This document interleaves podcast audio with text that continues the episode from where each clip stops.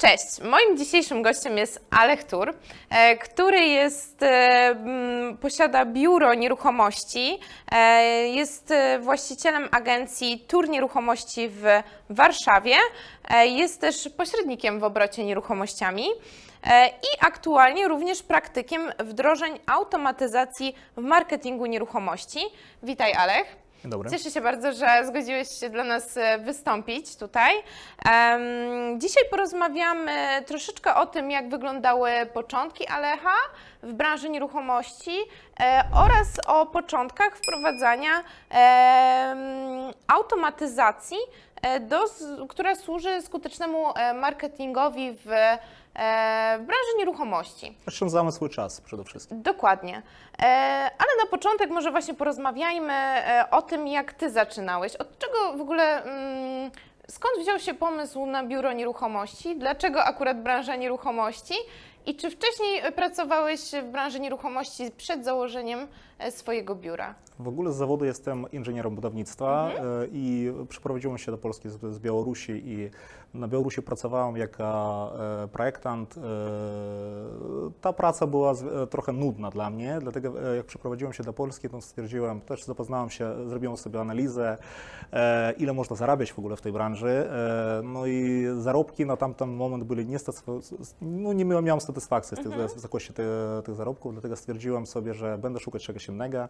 E, Podczas studiów e, robiłem też na Białorusi jeszcze podyplomówki z zarządzania i z, z pośrednictwa, z wyceny, zarządzanie i wyceny na Białorusi było zrobione. No i dlatego też e, poszedłem w kierunku akurat pośrednictwa, bo ta branża była dla mnie interesująca. Zawsze miałem taką zasadę, że jeżeli chcę coś robić, no to muszę najpierw spróbować. Jeżeli chcę komu, e, komuś o czymś opowiadać, to muszę wiedzieć od podszewki, jak to, jak to się robi. Dlatego zatrudniłem się e, w biurze nieruchomości, która działała na terenie e, Śródmieścia, e, Śródmieścia Mokatowa. E, I jednocześnie też e, w tamtym czasie obowiązywali jeszcze licencje państwowe, no to e, poszedłem na studia i robiłem też... Tak, bo kiedyś nie był to wolny zawód, trzeba było mieć licencję i ona Akurat była... jeszcze byłem przed deregulacją, dlatego powinno, powinno się było po pierwsze mieć studia, po drugie mieć A przepraszam, że przerwę. Tutaj tak. mm, Chciałam zapytać jeszcze o tą licencję. Czy uważasz, że ona jest potrzebna pośrednikom obecnie? Uważam, że to zwiększa poczucie bezpieczeństwa klientów i ogranicza. E, e, praktyka już pokazuje, że bardzo często klient, e, klient, klient jest narażany poprzez zniesienie przez tą deregulację, klient narażany ponosi ryzyka tej decyzji. Według mnie to nie było na tyle duże ograniczenie, żeby mówić o, o tym, że zawód jest obłożony jakimiś regulacjami. Ten koszt, koszt tych studiów był dość niski, a po drugie tak naprawdę czas, który potrzebno było spędzić, to, jest, to były roczne studia e, i dodatkowo jeszcze tam, wydaje mi się, pół roku albo rok było, byli praktyki. Ale to, to, to wszystko do, doprowadzało do tego, że e, osoba, która wchodziła w tą branżę, e, miała już podstawową wiedzę i jakieś doświadczenie.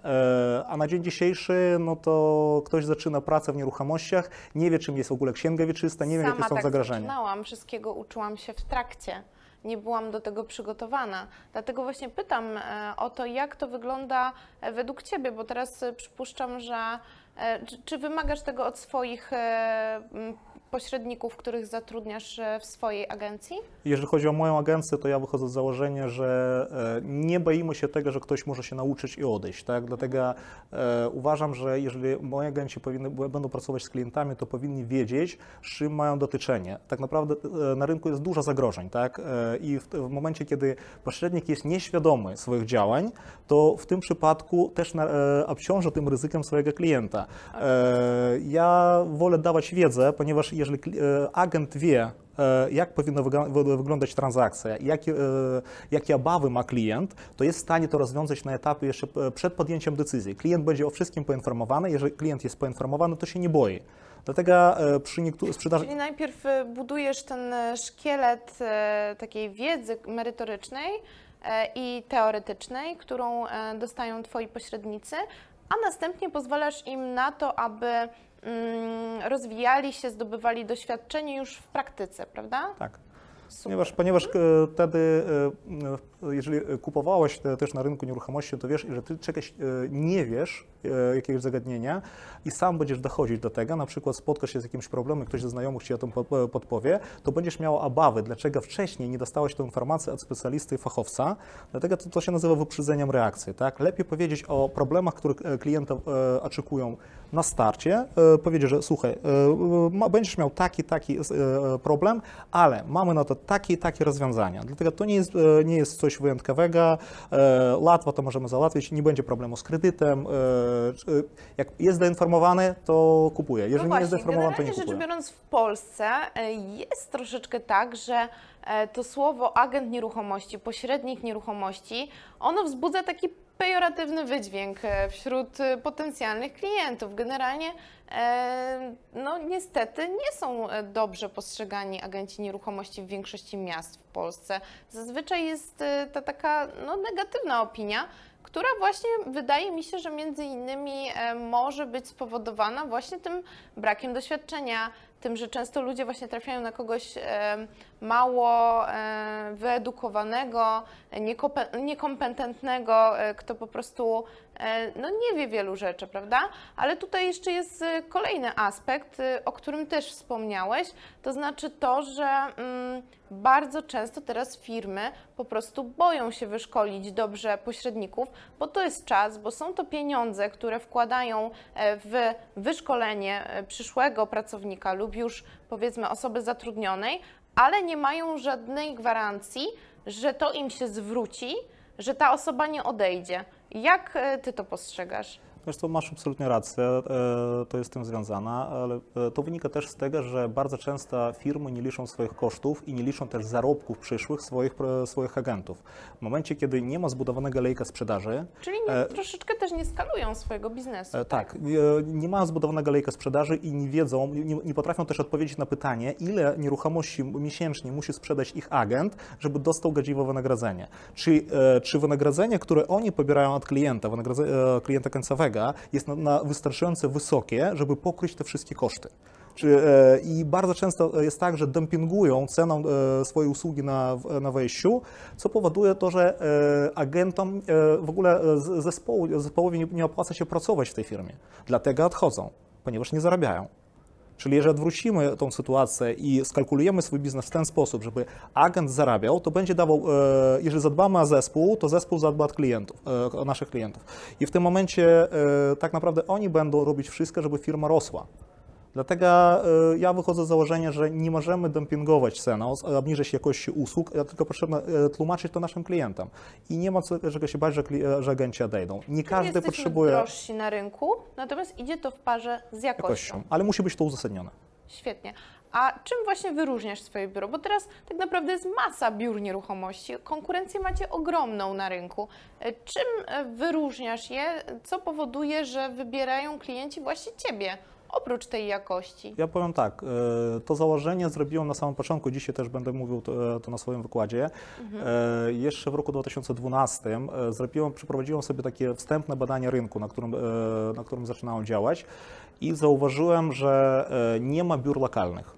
Czyli stricte, które skupiają się na tym, na tym jednym terenie, nie rozpraszają się na, na resztę A dzielnic. przepraszam, że e, przerwę. Na jakim terenie e, działa Twoje biuro? E? Białęka. e, I specjalizujecie się tylko w tym obrębie, czy bierzecie też już zlecenia? od e, kilku lat tak naprawdę bierzemy zlecenie z całej Warszawy, ale ten start był związany z tym, tylko że zmodyfikowaliśmy model w te, teraz w ten sposób, że agenci są przypisane do poszczególnych dzielnic. Zaczynaliśmy od jednej dzielnicy, gdzie było wielu agentów, którzy działali na jednej dzielnicy, co nam pozwalało też e, znacznie szybciej sprzedawać nieruchomości, ponieważ e, i też na, na start e, wyspecjalizowaliśmy w mieszkaniach dwupokojowych, które stanowili największy procent w ogóle wybudowanych mieszkań w tej lokalizacji. Dlatego jeżeli klient zwracał się do nas, to na dzień dobry mógł dostać kilkadziesiąt ofert, bo klient zawsze szuka oferty. W ogóle e, jak robimy analizę, to musimy po pierwsze zbadać rynek, po drugie odpowiedzieć sobie na pytanie, czego szuka nasz klient i co my będziemy sprzedawać. Ja jestem zwolennikiem sprzedaży produktu, który klient szuka, a nie odwrotnie, bo bardzo często jest e, tak, że zaczynamy sprzedawać to, co się da. Trafił do mnie Czyli- produkt, zaczynam jego sprzedawać. Tak, czyli najpierw pozyskujemy, a potem e, martwimy się o to, kto to w ogóle kupi od nas. A ja wolę, a ja wolę sprzedawać to, co klient cze- oczekuje. I w Okej. tym momencie odpowiedziałem sobie na pytanie, e, czego będą szukać moi klienci, tak, czego nie szukają.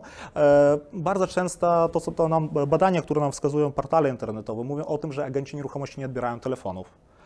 Po drugie, to co sami klienci wskazują, że nie mają ofert. Czyli e, w ten sposób rozwiązałem dwa problemy, które klienci mieli. E, Zgłaszają się do nas, ja, my musieliśmy ograniczyć liczbę wysłanych ofert ze względu na to, że tam wchodzą w grę inne ryzyka, ponieważ jak wysyłasz za dużo, e, za dużo Właśnie ofert, które pasują, chciałam zapytać, czy to czasem też nie jest czasem problematyczne, prawda? Bo jednak jak daje się komuś za duży wybór, to wtedy człowiek troszeczkę tak, mówiąc kolokwialnie, głupieje i nie wie, co wybrać, prawda? i to w tym przypadku my też rolę agenta, żeby pamiętać o tym, że e, no, Żeby każdy musi... wszystko personalizować, wybierać e, oferty. I ograniczyć, i ogra- ograniczyć oczywiście liczbę ofert, które wysyłał, no bo wchodzą, wchodzą, wchodzą w grę różne zas- zasady, między innymi zasada Pareto, tak? Jak wyśle, wyśle 10 ofert, no to siłą rzeczy wybierze dwie, tylko 20%, a 80% odrzuci, tak? No to w tym przypadku nie będę wysyłał 10, e, skalkuluję sobie e, odpowiednio optymalną liczbę wysłanych ofert. Klient i tak, i tak e, w większości przypadków wybiera kilka ofert na raz, bo też e, ceni swój czas. Jeżeli już jedzie gdzieś, to wolę obejrzeć kilka nieruchomości. Jeżeli zadamy sobie pytanie, w jakich godzinach klienci najczęściej oglądają mieszkania, ile czasu na tym spędzamy, to mamy odpowiedź, e, ile czasu e, e, takiej efektywnej pracy ma agent. Tak? Czyli klient przyjeżdża, ma do obejrzenia, ma, ma 3 godziny czasu, bo musi wracać, bo ma dzieci i w tym momencie wiemy, że w tym czasie my jesteśmy w stanie przeprowadzić dwie lub trzy prezentacje. Czyli klient Czyli wybierze tyle ofert. Tak. I zazwyczaj jak, jaką ma to skuteczność? Bo powiedzmy, że właśnie wybieracie około trzy, około trzy mieszkania, je prezentujecie i czy wtedy zazwyczaj sprzedaż jest sukcesywna, jak już wiecie, jaki to jest klient, wybraliście spośród tych ofert, które macie, te najbardziej dopasowane do niego e, i je prezentujecie, czy wtedy ta sprzedaż e, kończy się sukcesem? E, Pamiętaj o tym, że klient bardzo często sam nie wie, czego szuka. E, I tu jest tak, że zawsze przeprowadza się jakieś wstępne badanie, ale tak naprawdę już w praktyce, na tych pierwszych prezentacjach, to widzimy, czy to, co klient deklaruje, pokrywa się rzeczywistością. Jeżeli to się pokrywa z rzeczywistością, to rzeczywiście ta sprzedaż jest dość szybka. Jeżeli ty odpowiednio identyfikujesz i określasz ból, który ma klient, czyli jego problem, bo cała sprzedaż to jest sztuka rozwiązywania problemów. My łączymy kropki. Jeżeli widzę, że klient e, e, ma problem i ja jego dobrze zidentyfikowałem, to jestem w stanie sprzedać e, pierwszą, pierwszą ofertę, którą pokażę. Tak? I to też, biorąc pod uwagę tą regułę, bardzo często jesteśmy w stanie na, na rynku, który teraz mamy, sprzedawać oferty, które nie pojawiają się jeszcze na rynku. Mając klientów, jesteśmy w sta- w stanie e, dobrze e, e, kategoryzowanych i odpytanych, tak, czyli zidentyfikowany ból, jesteśmy w stanie dostarczyć oferty, które tylko przychodzą. Czyli nie, ma, nie pokrywamy kosztów marketingu, tak, nie robimy sesji zdjęciowych, filmów promocyjnych, co kosztuje dość drogo. Tak, nie pokrywacie, nie, nie, nie ponosicie żadnych kosztów i właściwie macie czysty zysk, oprócz czasu poświęconego na prezentację. Ale powstają inne problemy, bo klient zadaje pytanie, dlaczego mam płacić, jeżeli to była tak szybka. Naprawdę? I to jest dość częste pytanie, gdzie też e, musisz w tym przypadku uzasadnić, dlatego płacisz mi za efekt. Nie wystawiliśmy na rynek, ale mieszkanie zostało sprzedane. Cena oczekiwana, e, i tu, tu też e, wchodzą w grę potrzeby klienta. Znaleźliśmy ci klienta, I zrobiliśmy to jest, to bardzo to, jest, szybko. to, jest, to jest tak naprawdę e, zadanie. To, e, po to nas wynajęłeś, żeby e, z, Dokładnie, zrealizowaliśmy żeby twój cel. sprzedaż zakończyć sukcesem. E, A na przykład, czy stosujecie takie praktyki jak właśnie premia za szybką sprzedaż? Bo to też jest dosyć popularne. Powiem tak, obecnie. nie stosujemy, ale prawdopodobnie będziemy rozważać wprowadzenie czegoś takiego, bo też chodziło to po głowie. No jest to, powiem Ci, że jeżeli właśnie teraz bazujecie na przedsprzedaży tak naprawdę, no jest, byłoby to prawda bardzo korzystne dla Was. To jak e, pracujesz na, który, e, na niektórych umowach e, przez wiele, wiele lat, to na tyle przyzwyczaja, przyzwyczaja się, że czasami masz taką blokadę na wprowadzanie zmian. Powiesz, pierwsza blokada A polega nie na tym... obawiasz się tego, że to będzie troszeczkę odstraszać klientów, że Wy jesteście skuteczni, e, najprawdopodobniej sprzedacie mi szybciej, ale ja będę musiał więcej troszeczkę zapłacić. E, Dlatego wiesz, e, dlatego nie wprowadzamy, ponieważ też e, za, za, waham się, czy za i, Bo to za i działa przeciw. też właśnie Tak. w drugą stronę, bo Ty też nie sprzedasz nieruchomości e, bez ostatecznej decyzji klienta, prawda? On może wtedy zacząć powiedzmy, mm, no w cudzysłowie marudzić, że na przykład kwota jest nie taka, że on nie chce sprzedać teraz tej nieruchomości, na przykład, prawda, wyszukiwać sobie jakieś, em, jakieś powody przeciwko tej sprzedaży, żeby przedłużyć ten okres, bo będzie miał pewność, że ty powiedzmy po tym okresie, e, gdzie możesz uzyskać premię, i tak mu sukcesywnie sprzedasz to mieszkanie, a on zapłaci de facto mniej e, twojego wynagrodzenia. Po pierwsze, pie- problem rozwiązuje się odpowiednimi zapisami w umowie, a po drugie rozmową z klientem usta- e, i e, ustalenia wszystkiego na wstępie. Tak? E, Pierwszy raz, jak sprzedawałem ofertę, taki problem powstał z takim klientem zaprzyjaźnionym, kiedy szukałem dla niego mieszkania, a później tak w trakcie odezwał się, słuchaj, no mam takie jedno mieszkanie, które będę mus- musiał sprzedać, ale sprzedaż będzie za rok, tak naprawdę, ponieważ mija ten okres, kiedy będę musiał zapłacić ten podatek od wzbogacenia. No i tam, nie wiem, zastanawiam się, czy może wystawić to. No i wystawiamy to mieszkanie i nagle przychodzi pierwszy klient, który chce to kupić. Mieszkanie wystawiono w cenie z kosmosu, bo on sam e, e, określił to w ten sposób, wystawia to drogo. I co robi klient? Mówi, słuchaj, nie wiem, czy za, e, za tania tego nie sprzedaję. No i rozwiązaniem była To jedna prosta rzecz. Niestety bardzo często duży błąd, a też chodzi takie, krąży takie przekonanie, że jakby pierwsza oferta, którą złoży klient, e, potencjalny klient, e, jest najbardziej korzystna. Ufasz temu? E, Wiesz co, w praktyce podawałem ten przykład też na szkoleniach. Robiłem teraz e, flip e, na jednym z mieszkań na Mokatowie, gdzie moja pozorność dopro- doprowadziła do tego, że ja zarobiłem mniej, bo pierwsza oferta, którą dostałem, była 40 tysięcy wyższa niż wynik, Właśnie który osiągnąłem. mówię. Skądś pewnie wzięło się to przekonanie, Dlatego prawda? mówię, to jest czasami warto też popatrzeć na własne doświadczenie i wielokrotnie takie klienci... też już aspekty psychologii, prawda? Dlatego z tego się śmieję zawsze podaję jako przykład. Jak klienci pytają, to podaję ten przykład i mówię, słuchajcie, no właśnie osobiście straciłem na tym, bo nie chciałem klienta kredytowego, sprzedałem Ale gotówkowego. to też właśnie o czym teraz wspomniałeś jest chyba dosyć skuteczne, prawda? Czyli e, powoływanie się na doświadczenia z innymi klientami, na swoje własne doświadczenia, to tak e, bardziej mm, przekonuje ludzi e, i też oni chyba, klienci wtedy mają takie bardziej postrzeganie obrazowe, prawda? Jest to dla nich bardziej zrozumiałe. Storytelling w biznesie to jest jedno z najle- najlepszych narzędzi. Tak? E, W momencie, kiedy opowiadamy e, historie, które rzeczywiście się zdarzyli i e, to, jak rozwiązywaliśmy problem, albo jaki problem my mieliśmy, jak jego rozwiązaliśmy, albo błędy, które popełniliśmy, e, Wzbudzamy to jest też wtedy zaufanie, zaufanie i ostrzegamy przed czym i druga osoba zupełnie inaczej podchodzi. Zdecydowanie. E, rozmawialiśmy też e, troszeczkę o, e, na samym początku. Wspomniałam o tym, że będę chciała poruszyć aspekt właśnie automatyzacji e, marketingu. E, w jaki sposób próbujesz wdrażać to e, w swojej firmie? Przede wszystkim to są narzędzia, które związane z ruchem, ruchem który odbywa się na, w sieci i na naszej stronie internetowej. Tak? Najprostsze formy automatyzacji tak, to są e, procedury. E, Na wszystko wprowadzamy e, procedury, jeżeli mówimy o offline'owe, tak, co się dzieje z klientem, co, co kto ma zrobić, w jakim przypadku, zarządzanie kryzysem, od- odpowiedź na zapytania przez na przykład back office, a jeżeli mówimy o już takich online'owych rozwiązaniach, to w tym przypadku nasza strona internetowa jest zintegrowana z naszym CRM-em. To co pozwala też identyfikować klientów, tak? Wysyłając im oferty, e, jesteśmy w stanie e, też zweryfikować, czy założenia, które oni podają nam na samym początku, pokrywają się rzeczywistością. E, Nie działa to jeszcze w, w 100% tak, jak ja tego oczekuję, czyli nie mam zwrotu wszystkich informacji, ale bardzo często jest tak, że klient podaje mi parametry poszukiwania, ale później już strona zaczyna mu podpowiadać ogłoszenie, które on tak fizycznie. e, e, Jest to swego rodzaju algorytm. Algorytm, który, e, który pomaga w tym. A po drugie, jesteśmy w stanie różnego rodza- rodzaju narzędzia pozwalają nam też dokładnie przeanalizować, czego klienci szukają na naszych stronach. Jesteśmy w stanie też sterować ruchem, tak? W zależności od źródła, od kanału, z którego otrzymujemy ten ruch, jesteśmy w stanie wyświetlać odpowiednie formy reklamy albo kierować na odpowiedni segment.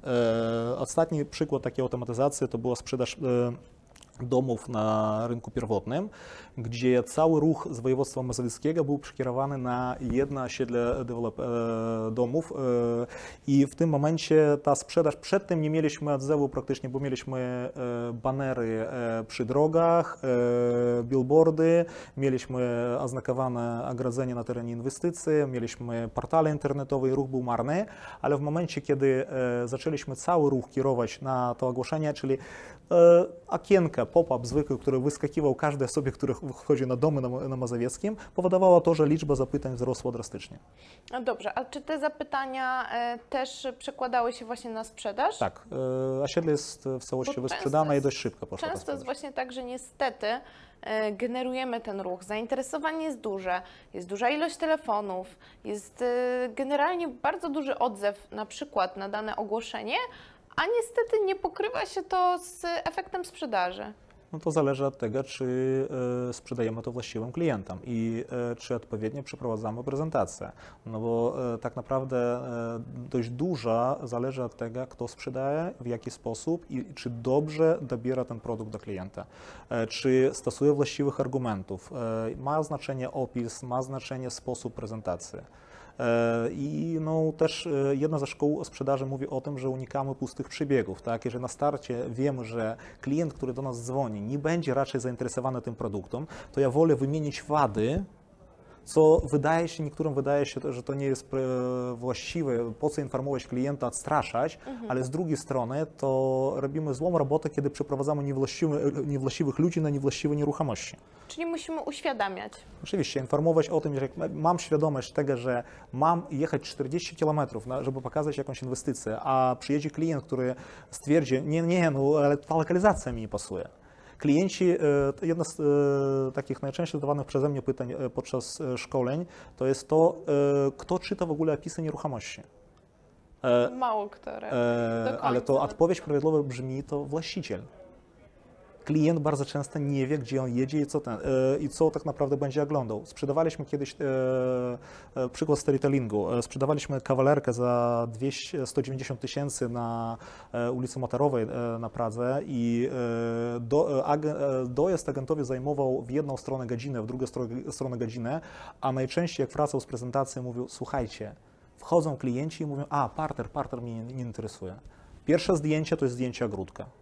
E, W e, parametrach wyszukiwania, jeżeli wpisujesz od pierwszego piętra w górę, nie powinno to się wyświetlić. W opisie w kilku miejscach jest napisane, że to jest ogródek, e, party z tak ogródkiem. nie trafiało do klienta. co- Ale co- klient wchodził i mówił, nie, parter mnie nie interesuje. Czyli nie czytają opisów, dlatego opisy w- dokładnie w ogóle sprawdzają ofertę najczęściej właściciele. Rozumiem.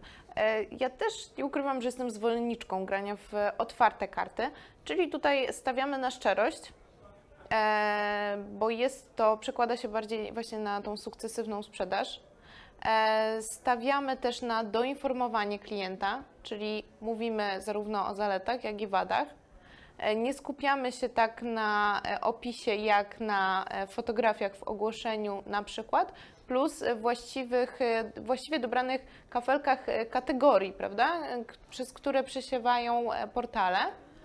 Jesteś w stanie e, przede wszystkim, e, tak jak powiedziałem, automatyzacje pozwalają Ci e, dokładnie przeprowadzić scoring klienta. W zależności od jego zachowania na stronie jesteś w stanie dawać punkty i wyświetlać odpowiednie reklamy. Na scoring może mieć przełożenie cena, lokalizacja, wszystko, co jesteś w stanie zmierzyć, w jakichś podstawowych parametrach. Dlatego e, możliwości, które, które, e, to, co możemy zautomatyzować, naprawdę jest dużo tego. E, I jeżeli umiejętnie to robimy, to jesteśmy w stanie dostarczyć klientowi produkt i klient tak naprawdę będzie, jeżeli ty kierujesz klienta na stronę, to strona jest narzędziem sprzedażowym, a on do ciebie tylko wraca po to, żeby dopytać o, tym, o produkcie, który go interesuje. Czyli nie jesteśmy, doba ma 24 godziny i ni- niestety nie jesteśmy w stanie obsłużyć wszystkich klientów, a część klientów nie ma takiej potrzeby, żeby my ich obsługiwaliśmy, bo oni e, naprawdę potrafią sobie szukać i radzą sobie z wyszukiwaniem w sieci i wręcz odwrotnie, e, bardzo często słyszymy, że nie potrzebują wsparcia przy wyszukiwaniu, bo oni najlepiej wiedzą, czego szukają. Tak naprawdę nasza praca zaczyna się już w momencie, kiedy dostajemy to zgłoszenie, że okej, chcę to obejrzeć. A to, co musimy zrobić, to dostarczyć im informacji, czyli wyświetlać odpowiednie oferty, podpowiadać, że słuchaj, może Ciebie to interesuje, e, wprowadzać jakieś e, powiadomienia mailowe, żeby klient był doinformowany. Nie ukrywajmy, że dzisiaj są takie czasy, że ludzie też e, nie mają czasu tak naprawdę na to, żeby skupiać się godzinami dzień w dzień, na przykład przeglądać te ogłoszenia, śledzić, e, żeby, nie wiem, e, też e, iść na powiedzmy kilkanaście prezentacji. Zazwyczaj kończy się maks na kilku prezentacjach e, od momentu rozpoczęcia poszukiwania nieruchomości do momentu zakupu, prawda?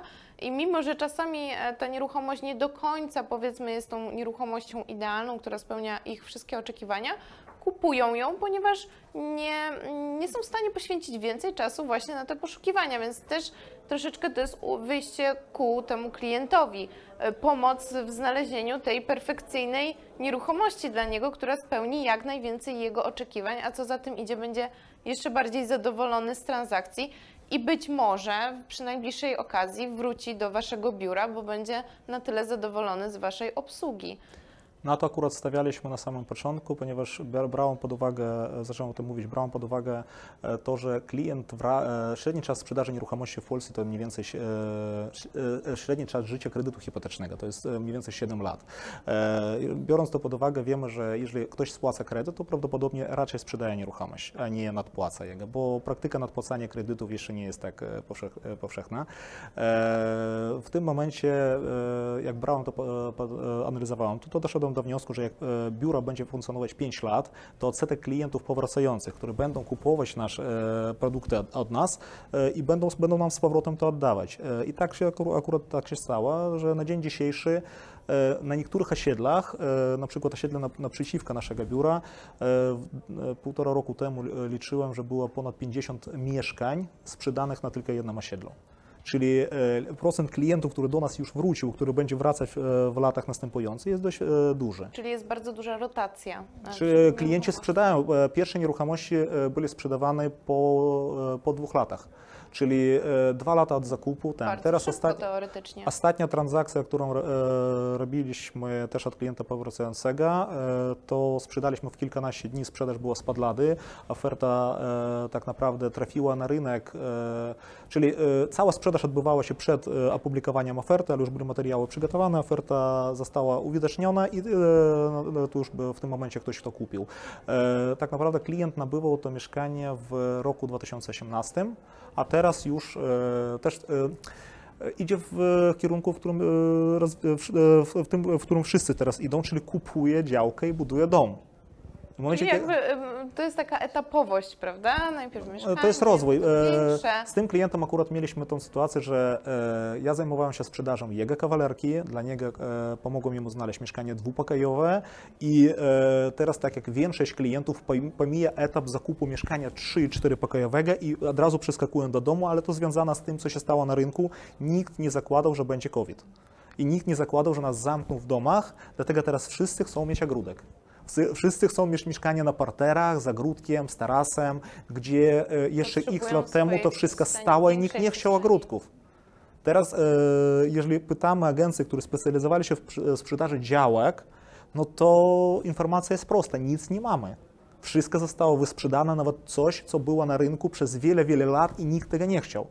Mimo, że e, wcale też budowa domu, e, bo wcześniej było takie mm, też stwierdzenie, że budowa domu teraz jest bardziej opłacalna niż zakup większego mieszkania, prawda? Czyli? Ale teraz, znaczy bardzo dużo zaczęło się robić to powszechne, że mm, ludzie po prostu woleli nieco dołożyć i wybudować na przykład dom, niż kupować mm, wysokometrażowe, e, wielkometrażowe mieszkanie, bo twierdzili, że jakby kalkulując to, e, wyjdzie ich to nieco taniej. Też dużo osób e, na przykład po covid ucieka za miasto, e, w cudzysłowie ucieka, prawda? Chce odetchnąć, chce właśnie mieć tą przestrzeń, ale też e, jakby tutaj w obecnych czasach ta budowa domów wcale też nie jest znowuż to opłacalna, ponieważ materiały cały czas idą do góry.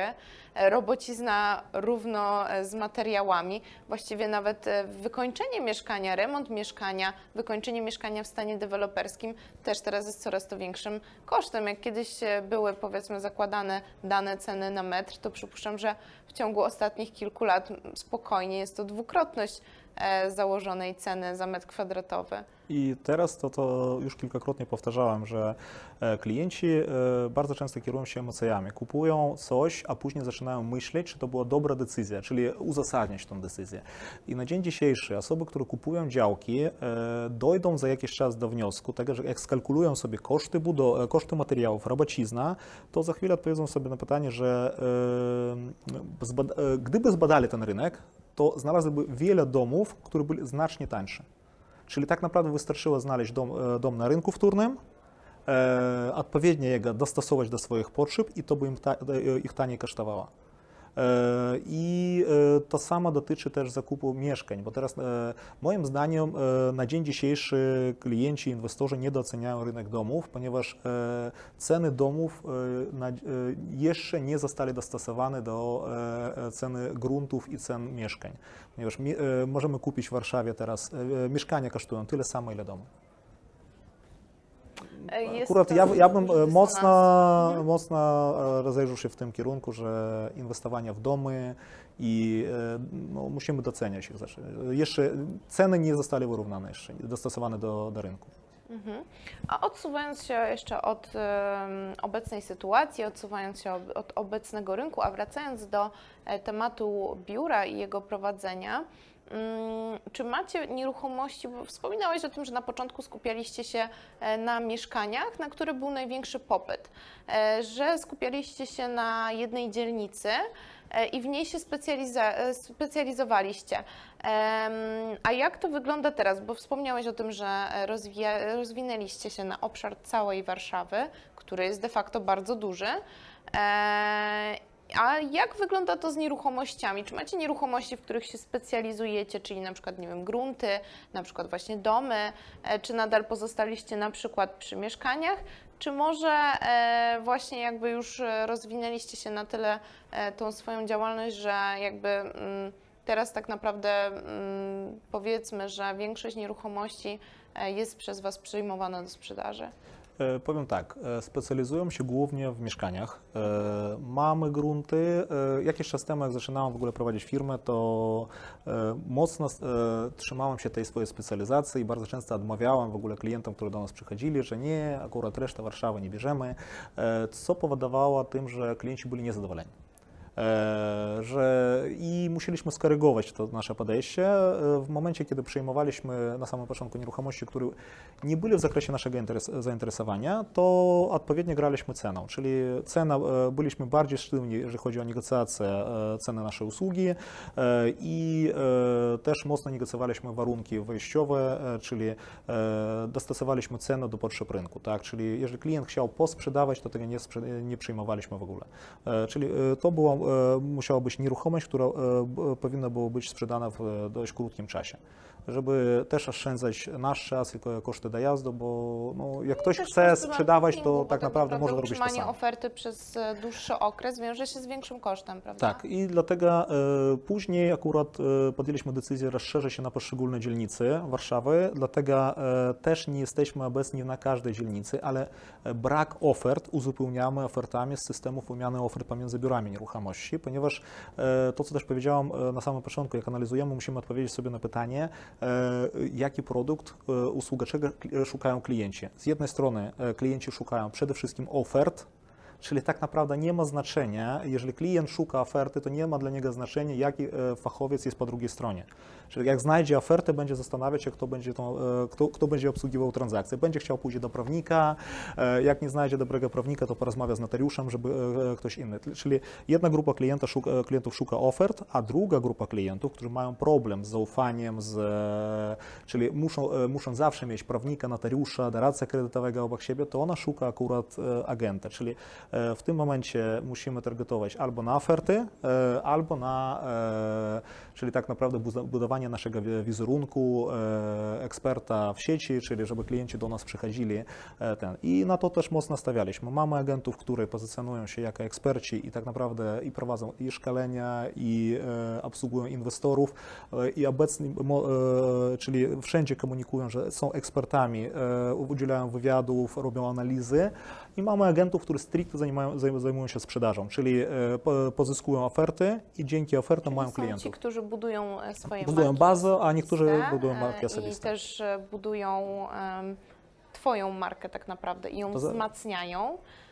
I są powiedzmy ci, którzy są takimi mróweczkami, które przynoszą prawda, do tego mrowiska te oferty. Już tak Każdy sam decyduje, w jaki sposób lepiej, Mhm. bo droga budowania wizerunku eksperta, marki osobistej jest dłuższą drogą. I tak naprawdę przez pierwszy okres e, mocno przegrywasz. Nie jest to takie proste. To, to, jest, to nie jest Mhm. sprint, to jest raczej maraton, tak? Czyli w tym przypadku wygrywa ten, który e, robi to e, konsekwentnie, długo. cierpliwie, dłu, Mhm. długo i udziela temu e, dużo czasu. Albo można iść e, za rynkiem i teraz większość agentów na rynku, na rynku w ogóle polskim raczej stawia na oferty, ponieważ klient ich szuka. Będziesz miał produkt, będziesz miał sprzedaż. Czyli e, reasumując, po prostu potrzebujemy e, mieć pełne regały w cudzysłowie. Musisz takie mieć tak sklep- obrazując musisz to, mieć prawda? sklep z produktami, Regał, tak. tak, ofert. E, Ma to duży sens. To jest w ogóle świetna sprawa. W ogóle to, o czym rozmawialiśmy, czyli właśnie ta automatyzacja marketingu. E, No tak jak wspomniałeś, jest to teraz na etapie budowania, bo to też nie jest proste, e, proste narzędzie, proste do zbudowania i do zweryfikowania. Natomiast starasz się to rozwijać, prawda? Dobrze. Generalnie rzecz biorąc, e, tutaj poruszyliśmy większość e, aspektów e, właśnie tego, prowadzenia tego typu działalności, czyli właśnie biura nieruchomości. I bardzo Ci dziękuję za tą rozmowę, bo była bardzo, bardzo treściwa i merytoryczna. Dla mnie też bardzo wartościowa osobiście. Mam nadzieję, że dla naszych widzów będzie to równie wartościowy materiał do obejrzenia. E, Także Alek, dziękuję Ci ślicznie. Dziękuję również. E, I zapraszam Was do subskrybowania naszego kanału na YouTubie. E, Dziękuję ślicznie za uwagę i do zobaczenia. Prowadziłam swój biznes i czułam, że potrzebuję wiedzy ludzi, którzy już przeszli tą drogę i wiedzą konkretnie, jakimi radami się mogą ze mną podzielić, żeby jak najszybciej też przyspieszyć rozwój mojego biznesu. Wiedziałem o tym, jacy są wykładowcy, osoby, które tutaj studiują, że są to po prostu przedsiębiorcy, a, a nie teoretycy. Zdecydowałem się, ponieważ chcę przeskalować swój biznes, a w związku z tym, że chcę skalować swój biznes, potrzebuję mieć e, partnerów biznesowych, którzy robią to samo co ja, znaczy podobne rzeczy do mnie w różnych miastach, żeby po prostu szybciej e, móc e, niektóre elementy swojego biznesu skalować na kolejne miasta. poukładać swój czas pracy, na pewno liczyć w ogóle swój czas pracy, ile, ile on kosztuje, na pewno delegowanie. Chcę sobie poukładać y, firmę w taki sposób bardziej zorganizowany, żeby troszeczkę może więcej czasu zacząć poświęcać rodzinie. W bliskim kręgu znajomych nie mam takich ludzi, e, z którymi chciałbym się utożsamiać, stricte przedsiębiorcy. E, Raczej zależy mi też na ludziach, którzy są e, mądrzejsi ode mnie i, chciałbym się takimi otaczać, dlatego też stwierdziłem, że chcę być na MBA. poznawanie ludzi, którzy też prowadzą swoje działalności gospodarcze i no, po prostu zajmują się biznesem. Brakowało mi po prostu jeszcze takiego dopieszczenia pod względem kontaktów, jakiejś tam wiedzy merytorycznej oraz specjalizacji e, już takiej e, szerokiej jak MBA, więc wybrałem Sbiro, no bo jestem członkiem tego Sbiro, jestem też koordynatorem i porozmawiałem też z uczestnikami, e, którzy przeszli MBA i dowiedziałem się, że jest bardzo dużo kontaktów, dużo wartościowej wiedzy. Drugi powód to po prostu, żeby dowiedzieć się w jaki sposób zajmować się sprzedażą i marketingiem. Bardzo szybko zmienia się, e, dzisiaj zmieniają się trendy w sprzedaży i marketingu, szczególnie internetowej sprzedaży, e, dlatego też chcę być na bieżąco. Prowadząc biznes jakby zgłębiam tą wiedzę na bieżąco. Jakby chciałem już konkretnych, konkretnych narzędzi, konkretnej wiedzy No i tutaj ją odnajduję. Jestem teraz w drugim roku i nie żałuję i myślę, że będę wiecznym studentem e, MBA, nieruchomości. No chciałam działać w nieruchomościach, więc y, no to było to. Od zawsze chyba tak czułam, że to będzie to, więc jak już e, dowiedziałam się, że, że są takie studia na Zbiro właśnie, no to wiedziałam, że to, to będzie to. Taka dobra inwestycja nie tylko dla mnie, ale dla i mojej rodziny. No i dla firmy no też przy okazji. Często jest tak, że wiele rzeczy wiemy, ale dopiero na zajęciach mamy ten klik, który nam uświadamia, że musimy to wdrożyć po prostu, że nagle to jest niezbędne.